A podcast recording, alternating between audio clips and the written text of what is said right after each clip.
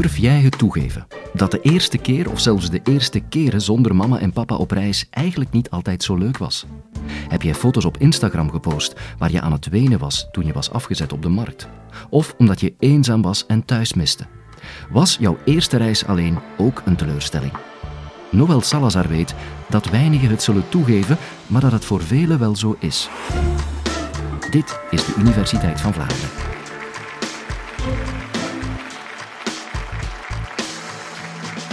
Als we nadenken over reizen, dan associëren we dat niet meteen met negativiteit of teleurstellingen.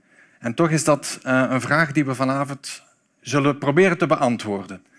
Reizen en teleurstelling. En waarom zeg ik dat dat uh, niet meteen aan elkaar gekoppeld is? Wel, we moeten maar uh, rondom, rondom ons kijken als we zelf op reis gaan en we, we brieven onze, onze vrienden, onze familie, we posten mooie fotootjes op Instagram. Mooie fotootjes, want de meeste foto's en de meeste reisverhalen die zijn positief. En, uh, want het zijn die positieve dingen die ook uh, heel veel likes krijgen. Dus blijkbaar is het positieve hetgeen wat wij verwachten, of hetgeen wat de samenleving verwacht. Reizen hoort iets leuks en iets positiefs te zijn. Als we denken aan reizen en aan eerste reizen, dan denken we natuurlijk meteen aan jongeren. Waarom? Omdat jongeren precies in de fase zitten dat ze een overgang maken tussen het kent zijn, het afhankelijk zijn, naar het aantonen dat ze volwassen zijn, dat ze dus in staat zijn om onafhankelijk in de samenleving te functioneren. En een mooie manier om dat te doen is dus via, via reizen. Uh, reizen als een manier om die overgang ook te markeren.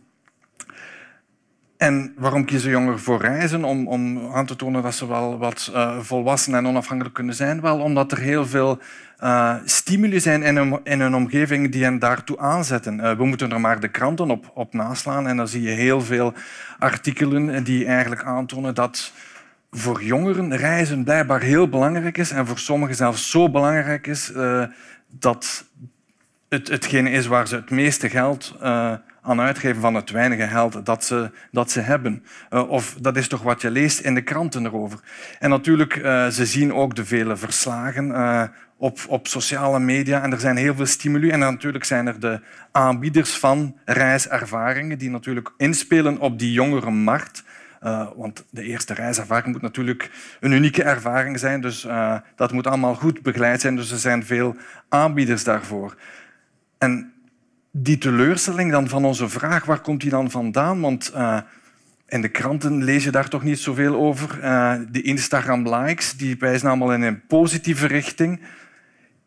En als uh, sociaal en cultureel antropoloog is onze enige methode om de vraag op te lossen en op een of andere manier te achterhalen, is wel om mee te gaan uh, om mee te gaan op reis. En dat is ook hetgene wat ik gedaan heb. Dat heet in een geleerd woord participerende observatie. Je participeert, je neemt deel, maar je observeert ook. Je ziet en je observeert wat er allemaal gebeurt met die jongeren. En het is belangrijk om hier uh, goed af te bakenen waarover we het hebben als we het hebben over reizen. En de etymologie of de betekenis van het woord uh, wijst dus al een heel stuk in de goede richting. Reizen, het Nederlandse woord reizen, zoals het Duitse reizen, hangt samen met het reizen met lange ei, het, het, brood dat, eh, of het deeg dat rijst en brood wordt. En dat duidt eigenlijk aan op het belang van het vertrekken, het loskomen van je omgeving, je vertrouwde omgeving. En dat is wat reizen ook doet. Je trekt erop uit, je gaat naar ergens een andere omgeving.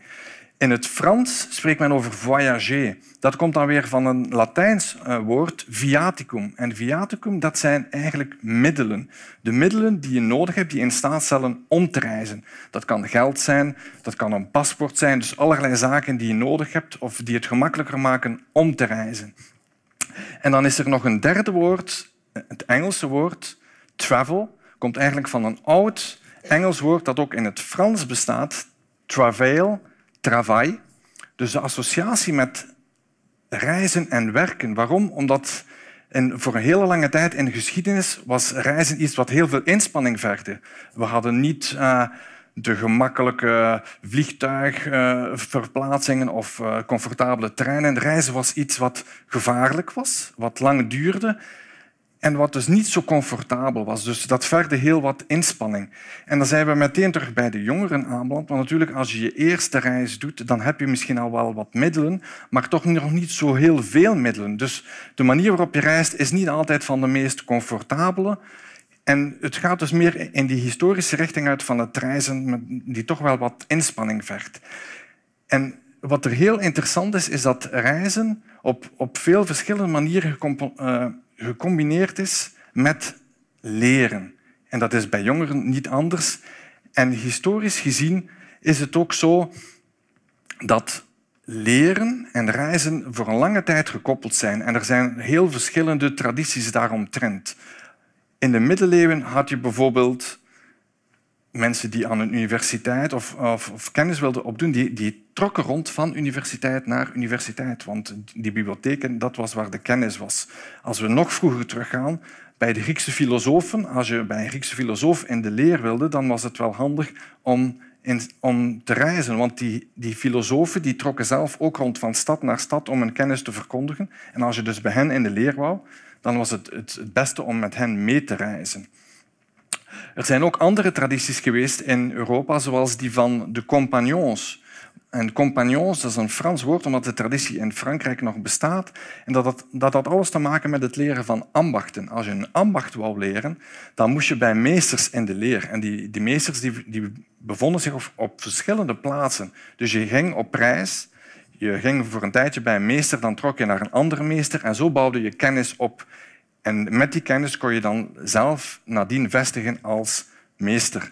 En dus al die tradities die hebben ook heel moderne tegenhangers. We moeten maar denken aan Erasmus, eh, het Europese uitwisselingsprogramma voor studenten en nu uitgebreid voor eigenlijk heel veel andere categorieën, waar eigenlijk reizen gecombineerd wordt aan leren. Dus die twee zaken zijn historisch gezien altijd aanwezig geweest en zijn dus nu nog altijd heel belangrijk. En waarom is dat zeer belangrijk als we het hebben over jongeren? Omdat, ik heb het in het begin al gezegd, jongeren die moeten eigenlijk een soort overgang maken.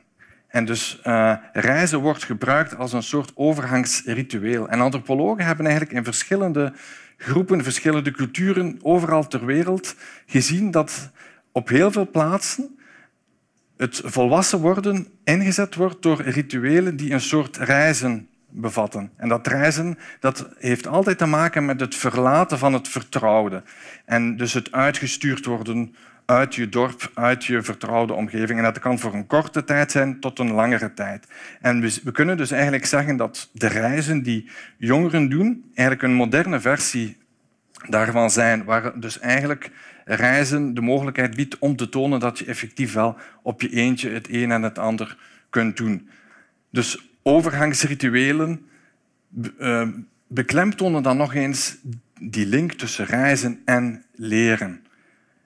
Overgangsrituelen zijn heel belangrijk, want het duidt op het feit dat het de samenleving is of de groep waarin je je bevindt die op een of andere manier je ook stuurt en je, je uh, verplicht bijna om dergelijke ervaringen uit te proberen. Nu, de jongeren zelf die hebben natuurlijk ook hun eigen motivaties. Reizen stelt hen in staat om effectief wat afstand te nemen en misschien wat zaken uit te proberen. Met ook heel veel eigen verwachtingen. Verwachtingen dat misschien die reizen zullen helpen om zichzelf wat beter te leren kennen. Dus een soort innerlijke uh, reis ook. En, en, kennismaking met wie ben ik nu echt, wie wil ik worden.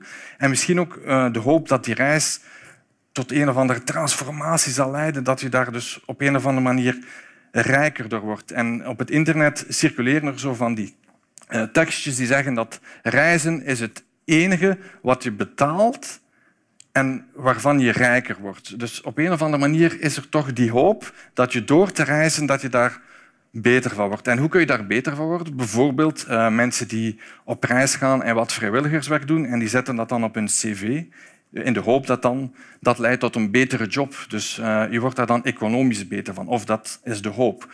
Hoe kan, hoe kan reizen uh, nog leiden tot beter dingen? Bijvoorbeeld cultureel.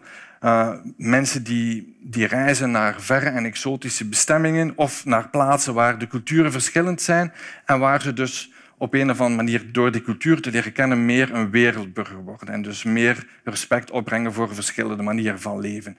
En dan is er nog het sociale aspect, het feit dat reizen positief geëvalueerd en geëvalueerd wordt door vrienden, door familie. Uh, en we hebben het al gezien, uh, de vele likes uh, op de mooie fotootjes en op de reisverhalen bewijzen het. Dat dat reizen positief geëvalueerd wordt. En dan moeten we onze vraag stellen, ja, die teleurstellingen, met wat heeft dat dan te maken? Wel, dat heeft te maken met het feit dat er dus heel veel verwachtingen zijn, maar dat er misschien bepaalde elementen zijn die te maken hebben met de manier waarop we heden ten dagen reizen, die ons niet in staat stellen om die verwachtingen in te lossen. Een van de zaken is bijvoorbeeld technologie. We hebben heel veel technologie, dat is allemaal heel leuk. Maar die technologieën die zorgen ervoor dat de reiservaring toch wel wat anders is dan toen die technologieën nog niet bestonden. Als we het bijvoorbeeld hebben over uh, internet, een smartphone, dat is allemaal leuk. Het zorgt ervoor dat je uh, bijna instant, zoals Instagram, uh, instant of heel snel in contact bent met die omgeving die je dus had moeten verlaten en waar je dan uit losgetrokken wordt. Eigenlijk kom je er, als je wil, niet zoveel uit los, want je kunt dus constant zitten uh, vissen naar feedback van wat je aan het doen bent met je thuisomgeving. Dus die afstand uh, die er had moeten zijn, die is er voor, voor een, een heel groot stuk niet. Wat er ook is, uh, ik heb het in het begin gezegd, dat reizen was historisch gezien vaak gevaarlijk, want het duurde traag en waren veel gevaren. En heel veel van die gevaren die zijn ingeperkt. Uh, we hebben reisverzekering, we hebben heel andere manier van reizen. En ook de mensen die reizen professioneel aanbieden, de reissector, die zorgt ervoor dat gevaren toch tot het minimum beperkt wordt omdat opnieuw gevaren zouden kunnen leiden tot negatieve dingen en we associëren reizen toch liever met positieve zaken. Dus uh, die zaken zorgen er allemaal voor dat eigenlijk het soort leerprocessen die we zouden willen, en die zeker ook jongeren zouden willen, dat die niet altijd uh, ingelost worden. En dat leidt ons dan terug tot die vraag, die eerste reis, was die teleurstellend? En waarom was die teleurstellend? En mag die teleurstellend zijn? Want ik heb al aangegeven dat dus voor heel veel mensen uh, het heel moeilijk is om het daarover te hebben. En je leest er ook niet zo heel veel over. En de verwachting is dat het positief moet zijn, dus de meeste mensen berichten ook eerder positief. Maar wat er wel heel duidelijk is, en dat blijkt ook uit, het, uit mijn observaties, is dat uh, er wordt altijd wel iets geleerd. Zelfs al is het niet hetgeen wat, wat er in eerste instantie verwacht werd van de reis. Er wordt altijd iets geleerd. En wat er heel belangrijk is, en dat is natuurlijk ook iets wat de samenleving wil, is dat een eerste reis of de eerste reizen, die zijn eigenlijk een voorbereiding voor misschien verdere reizen. Dus er zijn ook mensen die die eerste reis misschien, die allereerste reis niet zo heel goed kunnen kaderen en die was misschien niet zo positief. En dat, dat zet er veel mensen ook toe aan tot ja, misschien was de eerste reis niet zo positief, laat ons nog maar wat reizen. En dus uh, het reizen wordt bijna continu. Uh, dus zelfs, zelfs al was die eerste ervaring niet zo positief, het zet mensen aan om toch uh, wat meer op reis te gaan en wat meer ervaring op te doen. Dus die eerste ervaringen zetten dus eigenlijk aan tot een grotere bereidheid om te reizen. En wat er natuurlijk ook is, dat na verloop van tijd, als mensen ouder worden, dan zullen ze misschien ook die eerste reis, die eerste ervaringen op een andere manier gaan interpreteren. Want ze hebben misschien al wat meer reiservaring opgedaan en ze zullen dus ook die eerste reis herkaderen, herinterpreteren. Want als er iets is wat reizen leert, zoals zoveel andere zaken in ons leven, dan is het wel dat de wijsheid, ook wat het reizen betreft, komt met de jaren. Gedaan met al die lachende en fake vakantiefoto's op Instagram. Als je trouwens graag een influencer wil worden, luister dan zeker ook naar het college van Sarah Steenhout. Authenticiteit is superbelangrijk. Dus geef deze podcast gerust een kei-authentieke duim of 5 sterren rating.